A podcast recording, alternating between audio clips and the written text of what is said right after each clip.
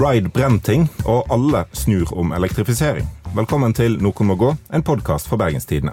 Med meg i studio har jeg Gerd Kjellflot. Hallo, hallo. Og her er også Anne Rokkan. Hei! Og ved min side, Morten Myksvold. Hei, hei. Nå er gjengen tilbake. Ja.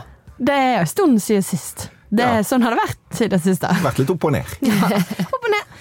Men nå er gjengen her. Og før vi går videre, så må vi jo si at på mandag så skjer det noe helt vilt. Vi skal ha liveshow. Foran folk. Show. Vi skal show. Vi skal ha show. Jeg, jeg må innrømme at jeg alltid har drømt om å være en person som har show. Ja, jeg var litt usikker på For jeg, altså, gjengen og gjengen er tilbake. Jeg vet ikke, Den gjengen er jo variabel sånn hvis, i et litt lengre perspektiv. Jeg er f.eks. jevnlig kastet ut av gjengen. Nei, men Eh, Så når vi skulle ha liveshow, så måtte jeg spørre sånn Er det meningen at jeg skal være med, eller ønsker dere å trekke inn andre personer, blitt- f.eks. Jens Kiel eller Du har ikke blitt jevnlig kastet ut, det er bare av og til så åpner vi ikke døra for deg. Nei, sant? så står jeg der og krafser. Men da sa altså Det er Eirin bare en Eikefjord hersketeknikk. Ja, Anne, du skal jo være med og opptre. Ja. så jeg er spent på hva show det egentlig skal sveives i gang. Men jeg er med, jeg kan opptre. Ja. Jeg Så skal ta med godt mine beste utsolgt. triks. Det er, ja, det er veldig tett på utsolgt. Det er mulig at det er to billetter igjen. Ja. Det var tre, men jeg vet at én har blitt kjøpt. Så ja. Det er Å ja, to igjen. Altså, det var mer enn tre sånn totalt når vi la det ut for salg, altså. Ja. Det kommer til å være Det er ikke fempersonregelen som er innført her. Å nei, og det er helt vilt. Eh, og jeg er litt nervøs. Det blir eh, bra. Vi får gjester Monica Mæland og Knut Arild Hareide, tidligere statsråder. Mm. Eh, Så det blir eh, interessant. Og Den skal jo ut i feeden til alle, Ja, alle digitale lyttere Ja. der ute. Mhm. Jeg tror vi begynner på første sak. Ja. Jeg tenker Vi begynner med våre små grønne venner. Det er selvfølgelig Ride jeg tenker på. I vinter så brant det jo to ganger på veldig kort tid, sånn tre dagers mellomrom omtrent, i Ride sitt lager i sentrum. Da flyttet de disse løperhjulene ut av sentrum, men nå er de altså tilbake, og de brenner tilsynelatende like godt som før. For natt til onsdag så var det full fyr i noen batterier, denne gangen i et Ride-lager i Strandgaten. Der ble ikke mindre enn 14 personer evakuert, det er omfattende røykskader. Og Gerd, ditt hjerte står jo også i brann, men eh, kanskje ikke sånn i en form for solidaritet som vi pleier å tenke på det uttrykket, men eh, tvert imot så tar du vel til orde for en slags boikott i en tekst du har på trykk i dag. Er nok er nok? Ja. Ja, jeg syns kanskje det. Jeg, um, eh, jeg eh, la litt bånd på meg og sa at folk kanskje i hvert fall kunne vurdere boikott. Men jeg tenker liksom at um, At når du begynner At når du gang på gang setter fyr på hus der det ligger og sover folk, da går ikke dette lenger, altså. Du da setter kan de ikke fyr, men de burde kanskje tatt høyde for at Ja. batteriene de eh, hater livet så hardt at de an- selvantenner i løpet av natten. Ja, det er viktig. Det er jo ikke ride som går, det er jo ikke brannstiftere. Men det viser seg jo, og det vet vi jo, at batterier er kjempebrannfarlige. Folkens, dere må jo ikke lade iPhonen deres mens dere sover, eksempel. Hæ?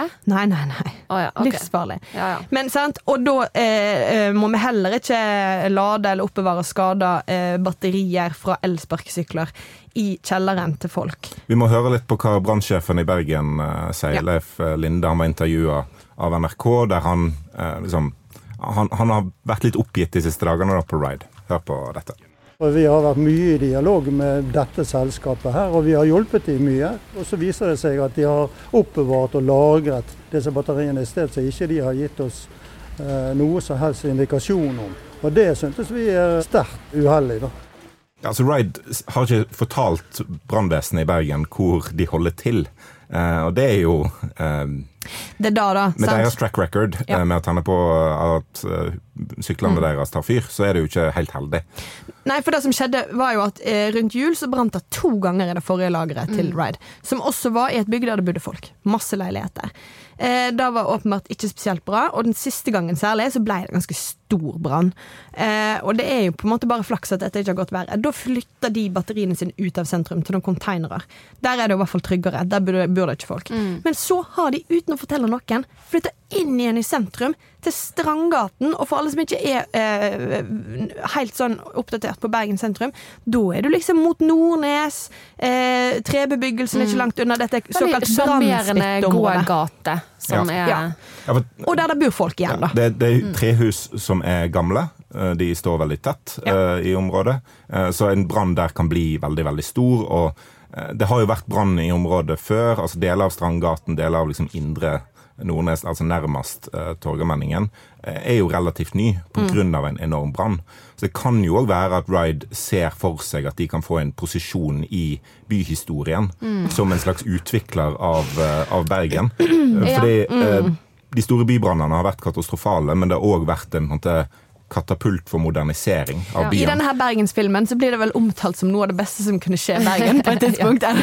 Så de ser for seg at Hvis de brenner ned litt av byen, så kan vi bygge den opp igjen med veldig gode sånn elsparkesykkelveinett rundt omkring i Bergen sentrum, sånn at det ikke blir noe problem med men jeg syns også det er artig at de, altså de, Det var jo på en måte ikke et ride-bygg, det var jo i lokalene til det som heter Bydue, som er en annen elsparkesykkelprodusent, vil jeg forstå. Og det er artig at de kaller seg selger. Ja. ja. Eh, det er artig at de kaller seg bydue. For eh, altså, sånn byfugler og duer og sånn er jo ikke Det er jo sett på litt, sånn, litt sånn skittent og Ja, det er rotter. Ja, det er flygende rotter, kalles de. Sånn. Så det er litt sånn at de bare Her kommer vi! Byduene De jul! Jeg tror byduene Det er veldig mange som liker de og liker å mate de og gjøre sånn at de faktiske rottene òg får bedre kår i Bergen. Så det må nå slutte med. Men slutte med. Eh, det er mange som liker duene. Men hvis duene hadde fløyet rundt på Festplassen og plutselig tatt veldig eksplosivt fyr, ja. eh, så hadde de jo fått et enda dårligere ja, omdømme. Ja, og det er jo der Ride er akkurat nå, da.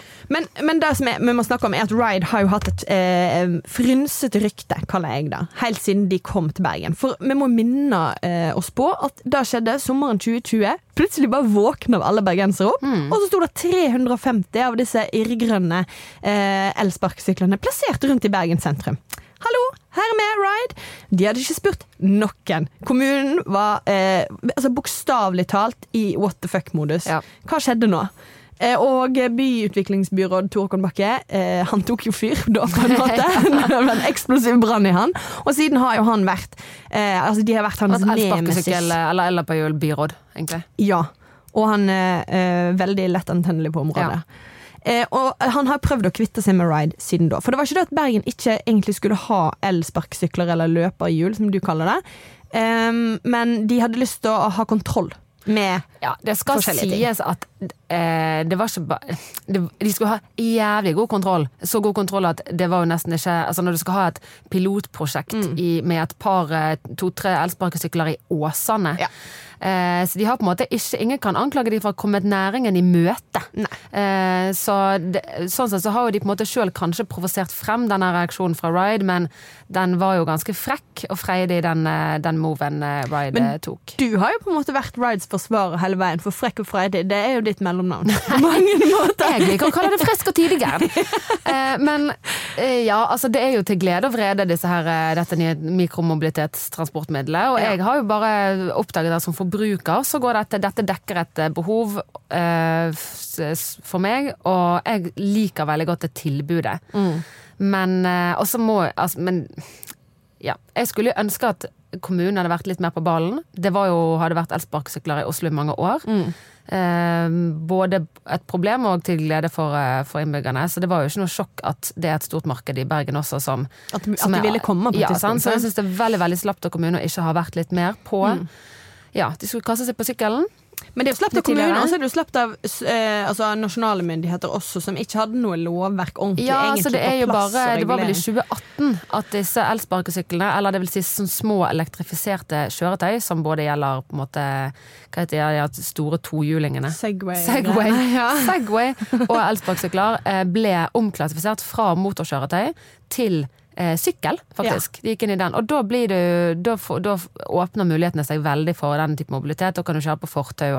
Da gjelder det, Du er jo rett og slett sett på som en sykkel istedenfor en, en moped. Og de reglene der var jo veldig sånn retta inn på at uh, dette er transportmiddel som folk kan bruke til og fra. Må, folk må få lov å, å, å, kjøre på de.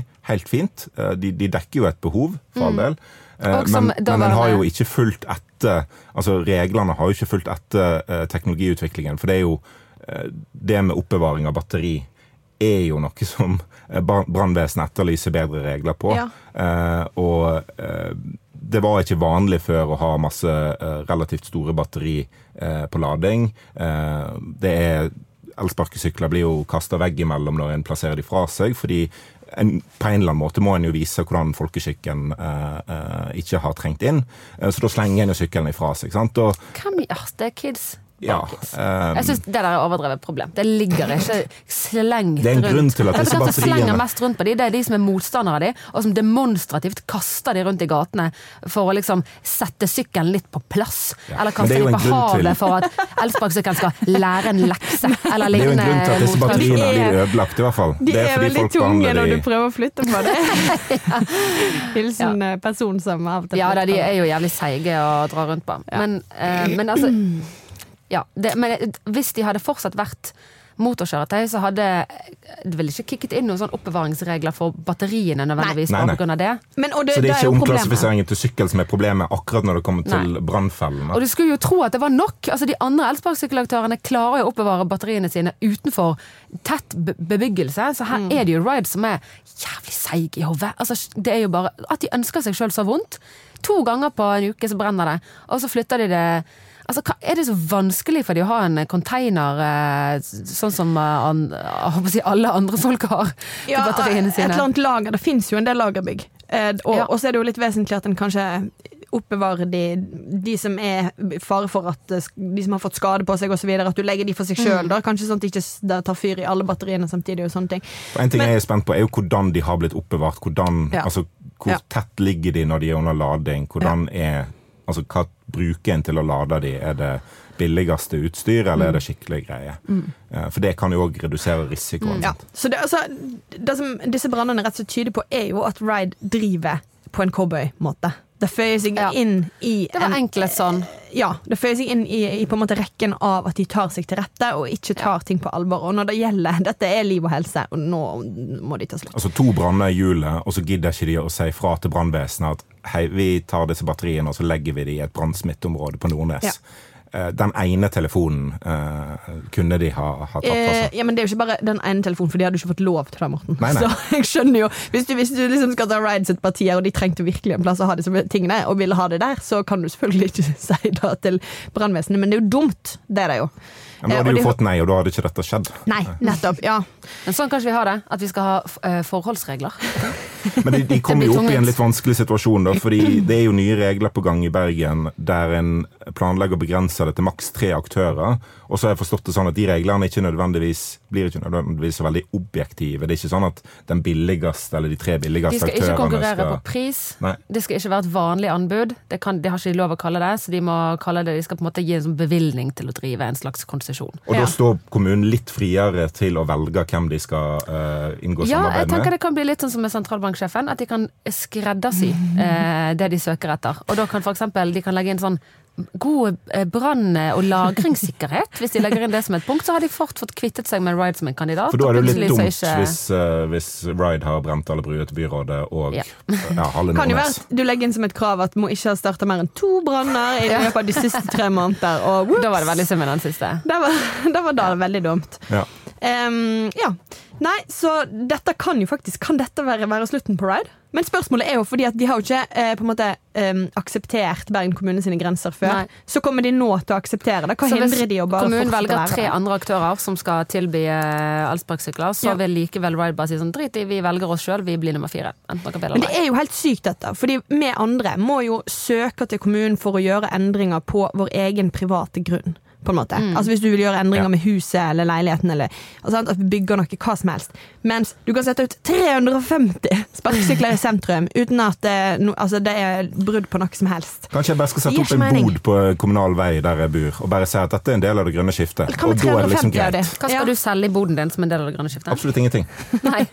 Men det skal av og til ta fyr, og da må det være greit. Ok. Ehm, ja, det blir i hvert fall veldig spennende å se hva som Ja. skjer videre. Eh, la oss gå over til et annet uløselig problem. Skal vi gjøre det? Det som skal lade disse elsparkesyklene. Ja. Nemlig. Eh, fordi at det er ikke bare sparkesykkel, eh, eh, sparkesykler i Norge som skal elektrifiseres, det er og alt annet også. Alt i verden skal gå på strøm, og det gir rom for et eh, megastort dilemma. Vi skal nå snakke om elektrifisering. Og Oh, yeah. eh, før vi liksom går inn i det, så tenkte jeg at jeg skulle stå fram som en tidligere uinteressert person i strøm, elektrifiseringsspørsmål, OSV. Helt sjukt. Jo, men jeg har på en måte fått med meg alt. Jeg registrerer at det er liksom interesse og sinne og, og masse kok og, og ting. Men jeg har ikke klart å ta det inn med meg. Men så har jo jeg en jobb som krever at da må man av og til. Og nå har jeg jo innsett at oi, shit, dette er jo noen av de største spørsmålene og dilemmaene i vår tid. Så Jeg eh, tror du er eh, folk flest her. Ja. Ja, Ja. eller eh, jeg har jo kanskje vippa inn i kategorien ikke folk flest, da, jeg vet ikke, siden jeg Ja, nå er blitt litt interessert i det. Men nå tenker jeg at eh, da vil jeg eh, misjonere for at også andre skal Sette seg inn i saken. Konvertittene er alltid verst. Ja, jeg vet det. De er alltid de mest radikale. Men at vi er nødt til å snakke om strøm. Mm. Men eh, da må vi òg rydde litt. Og det er jo, for det er jo en av de tingene som Ellers gjør tar alt fyr. at dette er en veldig vanskelig eh, materie å interessere seg for, fordi det er så mange debatter på en Veldig gang. komplekst. Ja. Ja. Og eh, de som sitter på andre siden av bordet her for meg eh, Du sitter altså meg og Morten fysisk på samme side. Ja, For å belære Gerd. sant? Ja. Fordi Arne, du er jo også tvungen av jobb til å interessere deg for dette. Eh, nei. jo, Jo, men jo, du er det. Men ok, du har Eh, ja, også men- interessert deg eh, ja, nei, jeg syns jo det er eh, Det er veldig interessant, for dette er jo en eh, ressurs. Mm. eh, og en, strøm er jo en form for vare, og hvordan, som, som både brukes privat og i industri, og som en eh, internasjonal handelsvare, og så er det samtidig veldig livsviktig forbruk. Og av en eller annen grunn så syns jeg det er veldig spennende hvordan vi løser sånne problemer. da. Hvordan vi forholder oss til sånne når det er en såpass knapp ressurs. Og du ser de her strøm... eh, demonstrasjoner og høygafler og fakler og Ja. nei til billig strøm. Det det, jeg blir helt sånn Nei til billig strøm. Nei, unnskyld, nei til dyr strøm. Jo jo, altså de sto jo oppe i Tromsø og demonstrerte, blant Ja, annet. de som har så koster- billig strøm? Strømmen koster ingenting, og det er sånn Vi Ok. òg vil ha strømstøtte. Men nå begynner vi Ja. å rote. Vi må rydde først. Ja. På, eh, den første debatten som går, er jo den mest høylytte, nemlig at strømmen er så himla dyr. Ja. Ja, og den påvirker egentlig alt annet. Ja.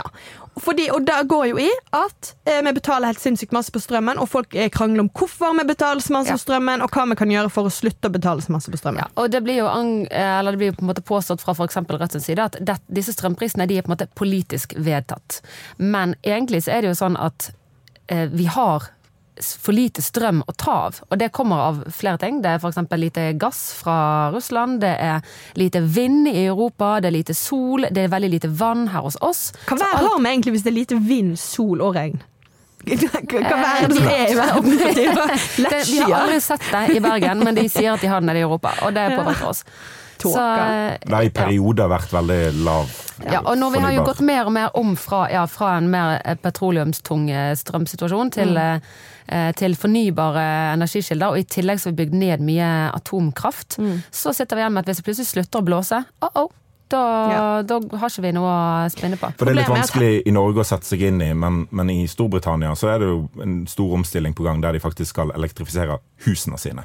Eh, oppvarming, Mm. eh, matlaging, sånne ting. Som vi i dag bare skrur på med, med strøm.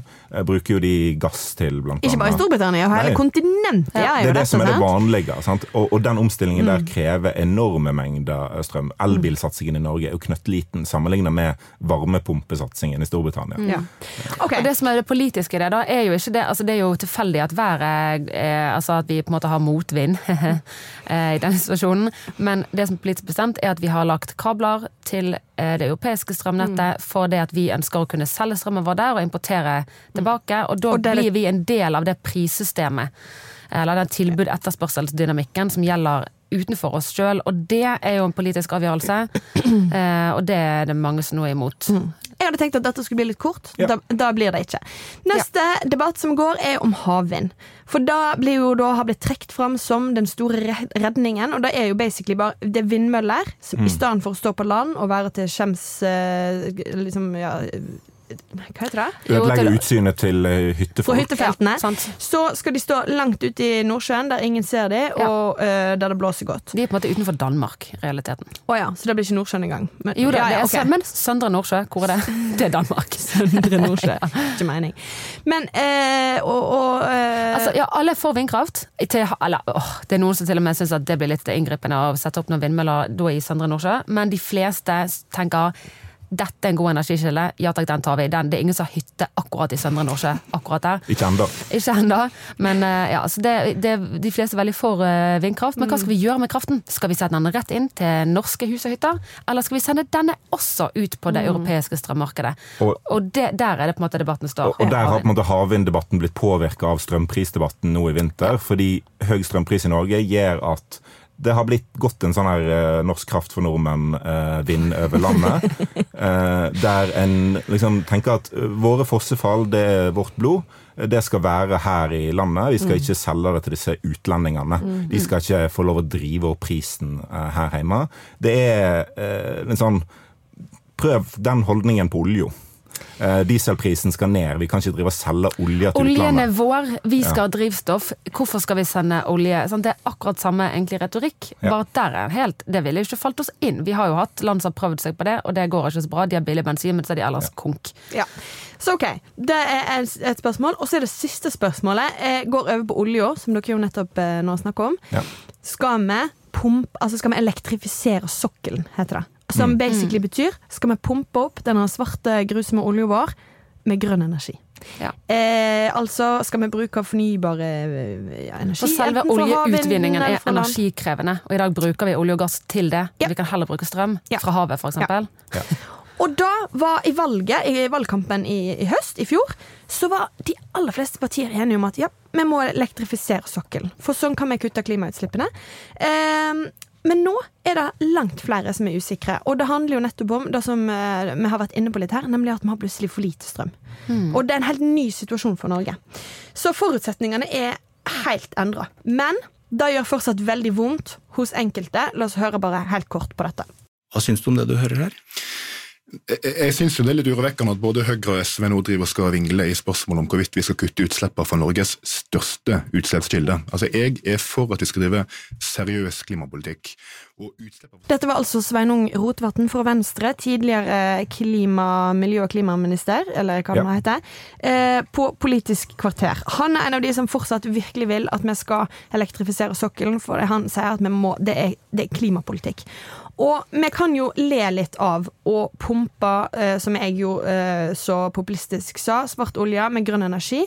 Men det er faktisk Det ville kutte klimautslippene våre Selve produksjonen av olje og, og gass er den største utslipps... Altså det er ikke selve oljen vi pumper opp, men bare det å pumpe den opp er så energikrevende at det er den største utslippsfaktoren. Og- Større enn transport. Og grunnen til det ja. er fordi at olje vi pumper opp, sender vi stort sett til utlandet, så da teller han ikke på norske klimagassutslipp. Hadde han gjort det, så hadde oljeforbruket, oljeeksporten, selvfølgelig vært mye større enn produksjonen. Men så lenge vi er enige om at vi skal ha produksjon på oljefeltene om tre, fire, fem og ti år, eh, så vil det være bra for klimaet at, at eh, de oljeplattformene er elektrifisert. Ja, for Poenget er jo at vi må altså, Du kan si så masse om hva som gjelder på hvem sitt regnskap osv., men for jorden som helhet så er det uansett på en måte best at vi kutter mest mulig. Og man kunne jo kutta hele oljeproduksjonen, men det er jo ikke vilje til det i Norge. Men det er jo og det kommer sånn- ikke til å skje veldig snart. en, en kritikk mot elektrifisering er jo at det er en slags grønnvasking. Fordi en kan Ja. fortsatt pumpe olje i kanskje lengre tid enn en ellers ville gjort. Ja. Fordi at produksjonen blir mer miljøvennlig. Og da, eh, for, for gassen som en i dag bruker til å pumpe opp olje, kan en da sende til Tyskland, og så blir den brent der. Men det kan du jo si om elbiler òg. Altså, hvis du selger dieselbilen din og kjøper en elbil, så er det jo noen andre som kjøper dieselbilen din eh, og bruker diesel. Har du Mm. Da spart klima Men du er med på en omstilling. Ja, ja. Og, og på et eller annet tidspunkt eh, blir den dieselbilen fasa ut. Og Og hvis vi pumper olja i olje i riktig 20 år til, så er det jo bedre at vi gjør det reint. Jo, men samtidig så kan du si altså Dette med strøm og energi er jo litt et sånn nullsumspill. La Mm. oss si vi har, altså, vi har nå de husene vi har, vi har den transportsektoren vi har, og vi har det energiforbruket vi trenger. Mm. Så kan man selvfølgelig kutte litt, men alt i alt så er det liksom det europeiske kraftbehovet er litt konstant, Mm. på kort sikt i hvert fall. Så hvis vi bruker, hvis vi nå får i gang noe havvindproduksjon, og så produserer vi Det kommer til å gi ganske mye strøm, jeg tror det er 5 av forbruket vårt kan dekkes bare med det første. eh, settes i gang nå. Eh, og da kan vi enten kjøre den inn for å eh, elektrifisere sokkelen, eller vi kan sende den ut til Europa, der de har kraftmangel. Mm. og hvis vi bruker den på å eh, grønnvaske av vår oljeproduksjon, og så sier vi at da vi Norge har kuttet masse klimautslipp. Men det som skjer er at hvis de mangler nok strøm i Europa, så setter de i gang noe kullkraftverk. For det at de trenger strøm. Altså det, de må varme altså, Eller så brenner de Sånn vel gassen de får av oss, da. Ja, nettopp. Litt Sånn at det er, eh, for verdens del så er ikke det sikkert at, At det er det det er det, at det klima altså, Dette går på en måte opp i opp. Ja. Eh, vi trenger den strøm, vi har et visst behov for strøm, og hvis ikke vi får det fra havvind, så får vi det fra et annet sted som garantert ikke er grønnere. Tvert imot. Sånn Det er jo en annen, annen ting ja, med i elektrifisering. netto, eller liksom, Det går på en måte ikke nett, nødvendigvis i, det er nødvendigvis ikke godt for klimaet at vi elektrifiserer sokkelen, men på våre skjemaer så kan vi hakke av for store utslippskutt. Ja. Og så er det jo noe med at Uten elektrifisering av sokkelen så blir det veldig vanskelig å nå Norges klimamål for 2030. Dette er et av de virkelig store eh, kuttene en har lagt inn. Og det er veldig betegnende for norsk politikk og norsk klimapolitikk at en, eh, når en snakker om vindkraft på land, så er det havvind som er løsningen. Når en eh, da presenterer løsningen for havvind, så presenterer en en nedskalert versjon eh, som trenger store subsidier fordi regjeringen ikke vil at det skal være lønnsomt, fordi det er upopulært akkurat nå. Eh, For det betyr en kabel til utlandet på grunn av høye strømpriser. Så noe en har snakket om som den store løsningen i mange år, blir nedprioritert og kutta i pga. en eh, debatt som har vart nå i høst. Ja. Veldig kortsiktig. Samme med elektrifisering. En kan se at det er tullete å eh, sende eh, kraften ut til eh, plattformene heller enn å bygge ny kraftkrevende industri på Vestlandet. Eh, beholde den eh, her sånn at vi kan bygge batterifabrikker og, og andre ting som i dag ikke får muligheten til å bygge fordi det er kraftmangel her vi produserer mest kraft. For da er et annet problem, ja. Mm. Men, men så lenge en har snakket om elektrifisering i så mange år, og så hopper en av i siste sving, og nå pga. en debatt som har vart i tre-fire måneder mm. så at skal det faktisk tilfeldigvis dette. ble høye strømpriser akkurat denne så skal en droppe dette. Altså, De som tror at vi kan nå klimamålene i 2030, 2040, 2050, de må lære av de tingene vi har gjort fram til nå. Mm.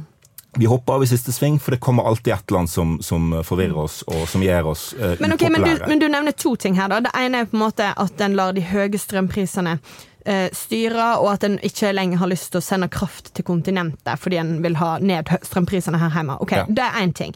Men en annen ting ved elektrifiseringen er jo det som du nevner til slutt her, nemlig at det vil gå på bekostning av at en får bygd ny industri på land. Men det er jo en konsekvens av at vi elsker å, å uh, bruke strøm i Norge. Vi misliker å produsere den. Men eh, ja, men, men å bygge ny industri i Norge kommer jo til å kreve helt sinnssyke mengder strøm. Ja. Altså helt vanvittige mengder Den strøm. strømmen du tar fra havet, la oss si at du ikke sender den på markedet i Europa. Da må du sende den rett til Norge. Selv når den kommer til Norge, så har vi fortsatt flere valg. Sant? Så du sier Enten så kan vi sende den til Nordsjøen igjen eh, for å elektrifisere sokkelen, eller så beholder vi den. F.eks. her på Vestlandet, som har stor kraftmangel, for å faktisk bygge ut re, altså, de som fak, industri som faktisk kutter utslipp. Ja. Eh, Som f.eks. Altså, eh, batterifabrikker, som er et kjempeaktuelt eksempel. Alt det der vi fikk nei til å bygge hydrogengreiene. eh, Teaser i Tyssedal, for eksempel, som ja, da, vi, trenger enorme vi, mengder altså, vi får altså sånn, Beklager, men en fremtidens teknologi vil ikke etablere seg her. For vi kan ikke garantere for at vi klarer å levere strøm. Men jeg synes det er håpløst at vi CO2-fangst og -lagring, som er de facto klimakutt, ikke bare på skjemaet. Vi skal ha utbygging av hydrogen. Det er jo som dette også som de facto redde oss. Fremtidens nye energikilde. Istedenfor å bare flytte rundt på strømmen og så si sånn eh, Vi vil ha den her, for da kan vi følge ut på skjemaet, men han kunne kanskje gjort større nytte for seg i Europa. Det, jeg, jeg, Men det er håpløst at en, eh, når en har plassert seg sjøl med viten og vilje i en situasjon der det blir kraftmangel, så hopper en løs på eh, kraftforbruket på elektrifisering. I stedet for å si pokker heller vi burde bygd ut mer kraft i Norge. Jo, Ja, det burde vi jo begge deler. Ja. Ja. Men er, det, er du, for, eh, du er for elektrifisering av sokkelen? Altså, jeg, er- jeg syns det i utgangspunktet er tullete. Eh, fordi at Men nå som det er bestemt på Stortinget, så får jo men, det. jo, men hvis vi skal ha noen sjanse til å nå de målene vi har satt, så må vi nesten stå for de tingene som har blitt vedtatt, Men- som er ja. det som skal til for å nå målene. Men Men i, for ti år siden så kunne en valgt annerledes. En kunne sagt eh, Usikker på hvor lenge vi faktisk skal drive med oljeproduksjon i Nordsjøen. Eh, det er ikke sikkert at det er den beste bruken av penger Mm. å faktisk redusere klimagassutslippene fra oljeproduksjonen. Kanskje den strømmen kan brukes bedre andre plasser. Men Stortinget med stort flertall gikk inn for elektrifisering. Og nå pga. En, en vinter med høye strømpriser så leter de etter eh, er det, altså Høyre på Vestlandet, i Rogaland, Ja, for det er har nå begynt å si nei, vi vil ikke ha elektrifisering lenger, fordi vi er feige og har lyst til å være populære. Nei, men nå de har- du gi deg, men Nei, det er det er ikke nytt at de er, at de er imot eh, elektrifisering av sokkelen. Ja, men det, ja, har det er ikke nytt at de er feige heller, men, men de, de, de feiger Jo, men ut i siste sving. Nei, men vet du hva, dette syns jeg er eh, det synes jeg er urettferdig. For det, det det handler om her, er skal vi flytte litt strøm dit, sånn at vi kan si se vi har kuttet masse klimakutt, eller skal vi heller stå i og si at sånn Ok, vi bruker strømmen vår på å investere i det som faktisk reelt sett vil hjelpe kloden fremover. Så får det heller stå sin prøve at Norge ikke kunne klappe seg sjøl på skulderen med at de kunne fylle ut så og så mange klima, oppnådde klimamål på papiret i 2030. Men det hjelper jo- For det, jo, det hjelper jo ikke kloden at vi kan fylle ut skjema for skryt på en eller annen klimakonferanse. jo, det hjelper jo kloden at den oljeproduksjonen som uansett vil være der om fem år, ti år, eh, skjer med Ja, bruk av Ja, men eh, jo, elektrisk kraft. men- men hva- hjelper det ikke om vi sparer de utslippene i Norge hvis de, hvis de slippes ut med svartere, svart kull i Europa. Summa summarum så er klimaendringene like langt på vei. Hvis vi hadde brukt den eh, strømmen klokere, og investert i ting som faktisk sluker CO2 istedenfor å spy det ut, da får vi reell endring i og hadde verden. vi, hadde vi produsert nok strøm, men- så kunne vi faktisk gjort begge deler. Men nå, nå, Ja, må, jeg nå må jeg bryte inn. Nå Altså, må jeg være Her blir det eh, hver mann si vindmølle, og ja.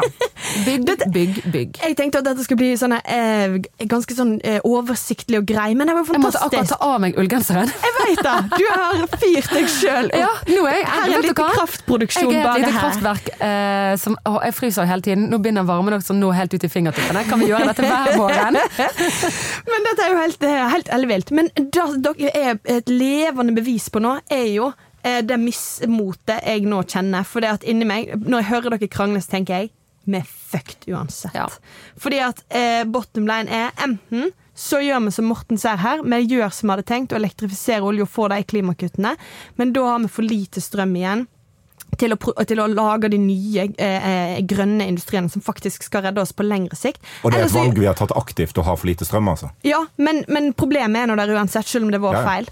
Eh, det er det som er med Morten. Han vil bare at vi Hvis vi har tatt dumme valg, så skal vi søren meg ta konsekvensene av det og lide med det. Men Jo, men en må jo ta konsekvensene av det. Altså, Ja, hatt, enig. altså okay. Senterpartiet. Senterpartiet er nå i regjering. Senterpartiet er nå i regjering som, en, som et parti som er mot vind. Altså, Ja. De er mot vindkraft på land.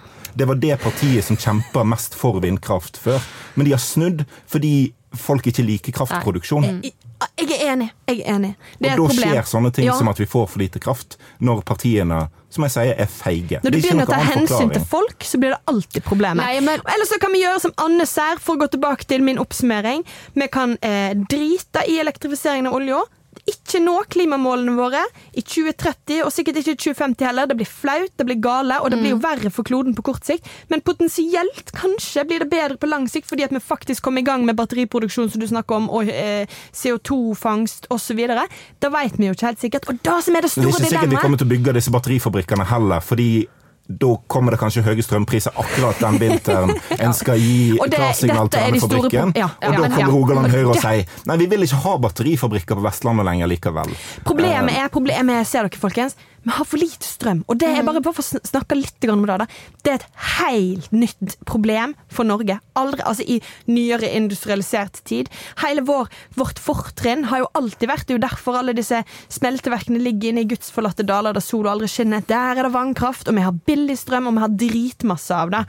Og det har alltid vært vår, vår fordel. Og så plutselig, bare i løpet av noen få år her nå, så er det bare sånn Oi, shit, vi har det ikke lenger. Mm, Fordi vi skal elektrifisere ja, alt. Så Det er blir ikke det fordi det blir mindre vann, men fordi vi, vi trenger Vi kraft trenger til flere ting. mye mer. Og da blir det kamp om ressursene. Ja. Da stiger prisene. Dette er ikke hokus pokus.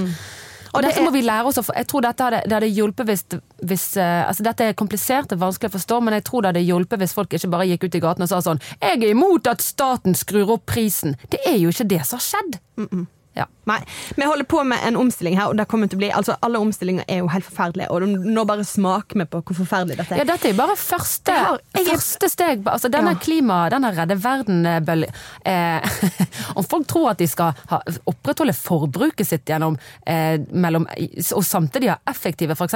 fly, eh, CO2-avgift og flyseteavgift og whatnot. Ja, ja. Altså, folkens, dette kommer til å bli ubehagelig. Det kommer til å bli kaldt, det kommer til å bli eh, kjedelig. Det kommer til å bli eh, eh, kjøttfritt. Det kommer til å bli så jævlig dritt. Dette kommer til å eh, altså, Folk som smaker mer det- kommer til å koste, og det kommer samtidig til å smake dritt. Og det kommer kanskje til å Dette redde bare verden. starten. Ja, Nå kan vi gå, en podkast som virkelig tar livsgleden fra Ja, ja, men det er bare, altså, det, Folk må faen meg holde kjeft og kle på seg. Men jeg tror, vi skal, jeg tror vi skal gå videre til vår faste spalte og Nei, nå hadde vi det endelig så koselig. jeg har på følelsen av at det kommer til å bli litt ubehagelig.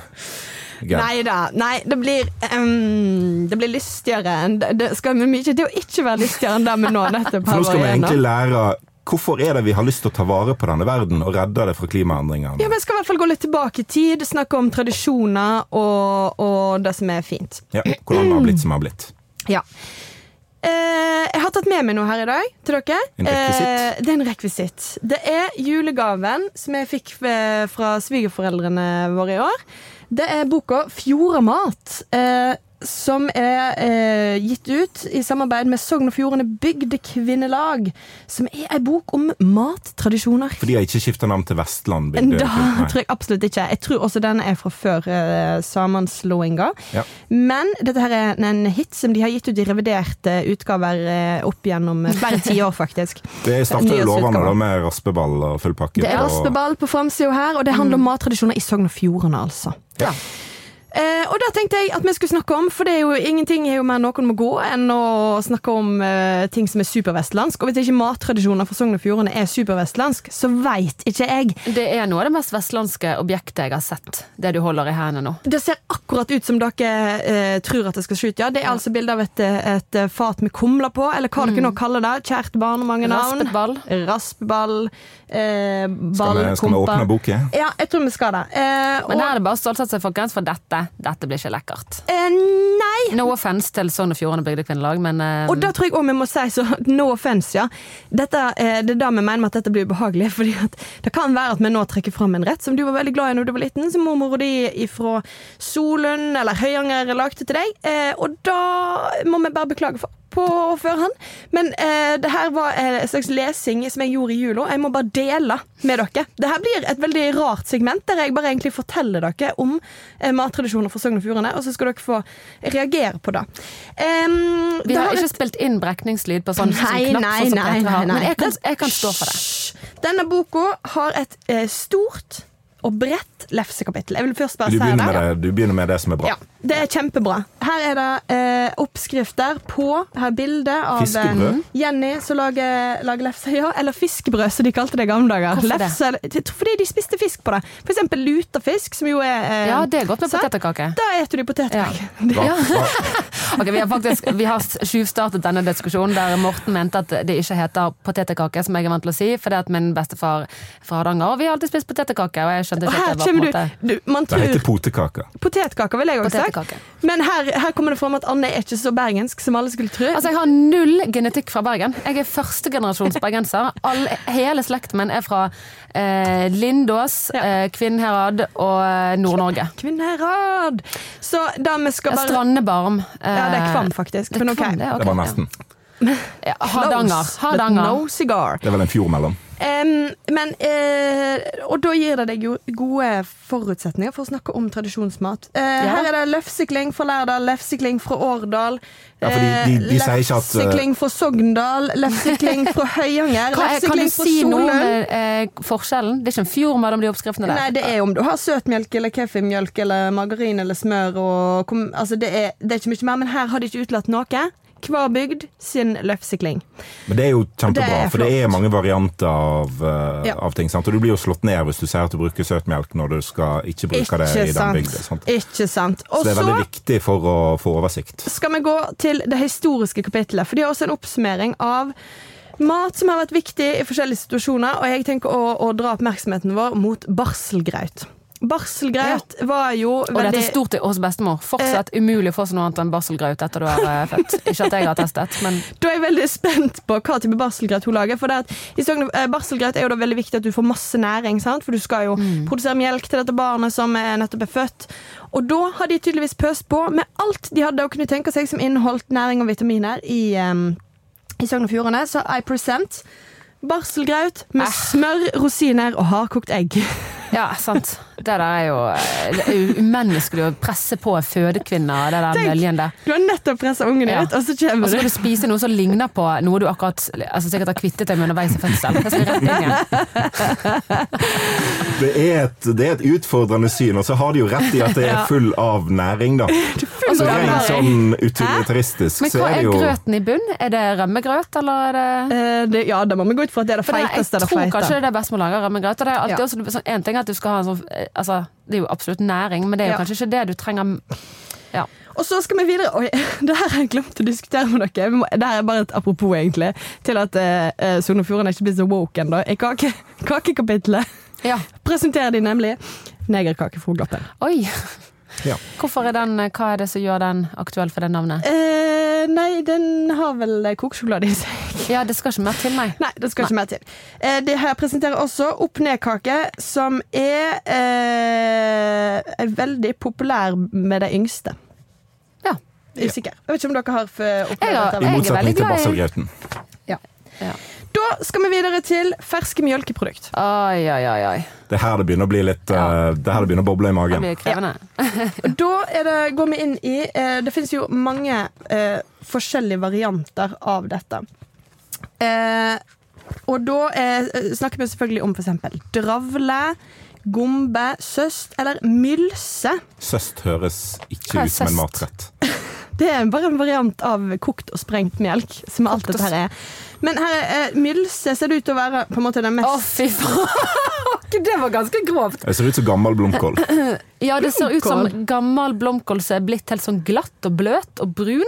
Jeg Beige. det ser litt ut som gjær i det du prøver Ja, å løse det enig. opp. Dette er et lydformat, men Gerd driver faktisk og viser det fram til oss her. Vi Vi skal får prøve å få lagt ut noen ut eh, eksempler på Ja. nok en Ja. i Facebook-gruppa. Men hva er det i pudding? Det ser ut som eventuelt Det er kokt eventuelt eh, melk og sprengt melke. melk, ja.